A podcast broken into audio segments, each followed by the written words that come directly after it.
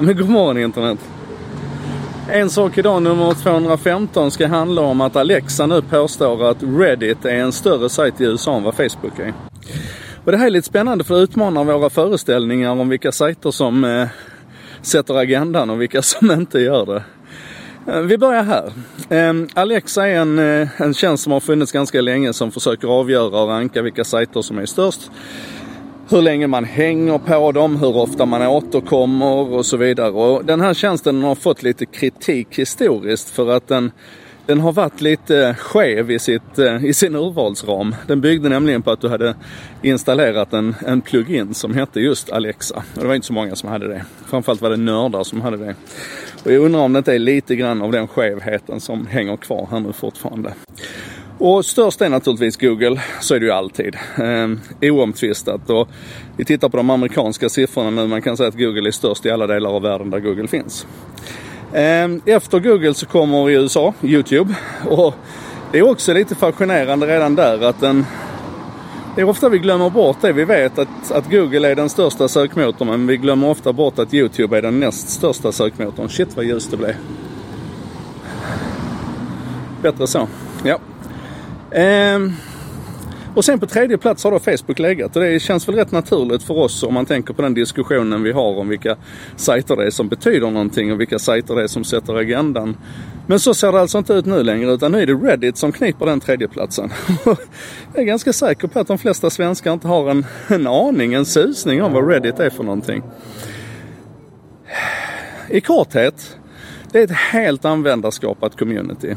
Eh, det har olika rum, så kallade subreddits. Det har en massa funktioner som har vuxit fram ganska organiskt på sajten. Så att det liknar lite grann ett, ett tidigt Twitter på det viset. Att, att, eh, att funktioner och, och, och, sammanslutningar och undergemenskaper på den sajten växer fram väldigt organiskt. Eh, man skulle kunna jämföra det lite grann med Flashback men så som Flashback hade kunnat vara om någon hade brytt sig om att och ta hand om tekniken på den sajten ordentligt och, och vårda det communityt ordentligt.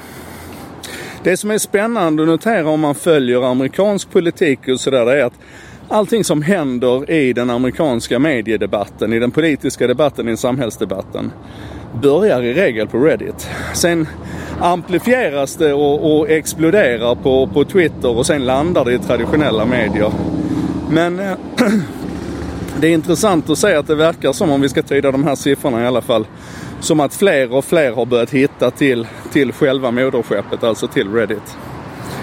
Um, jag ska lägga lite spännande länkar här så att ni kan gå in och kika på det och få en smak lite grann för vad, vad Reddit är och att ni bland annat kan, kan konstatera att eh, Barack Obama har varit där och svarat på frågor. Och, ja, den är, det är en jäkligt spännande sajt.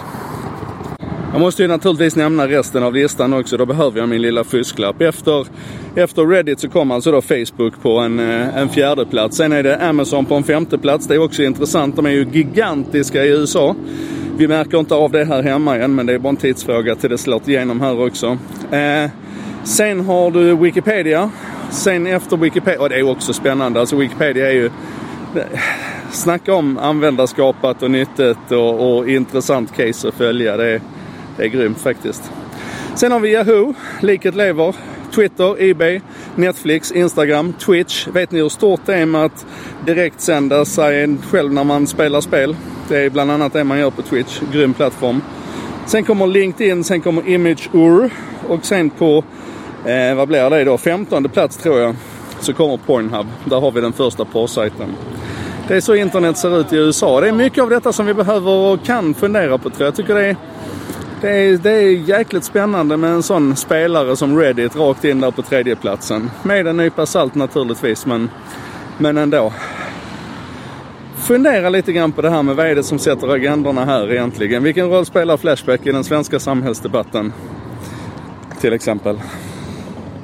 Ja, det här var En sak idag. Eh, producerat av mig, Joakim Jardenberg, med benäget bistånd av vännerna på Bredband2. Internetoperatören som gärna lyssnar när andra snackar och som hjälper till att sprida det här goda ordet. Eh, de, de lyssnar gärna när andra snackar, som du och jag till exempel. Sen eh, textas textas och översätts av Contentor, byrån som arbetar med modern marknadsföring, redaktionella texter och översättningar på nätet. De eh, ser till att det här finns textat på svenska och översatt till engelska varje dag runt lunch och det är ju bara magiskt. Heja dem! Och så sätter vi imorgon igen för veckans sista En sak idag.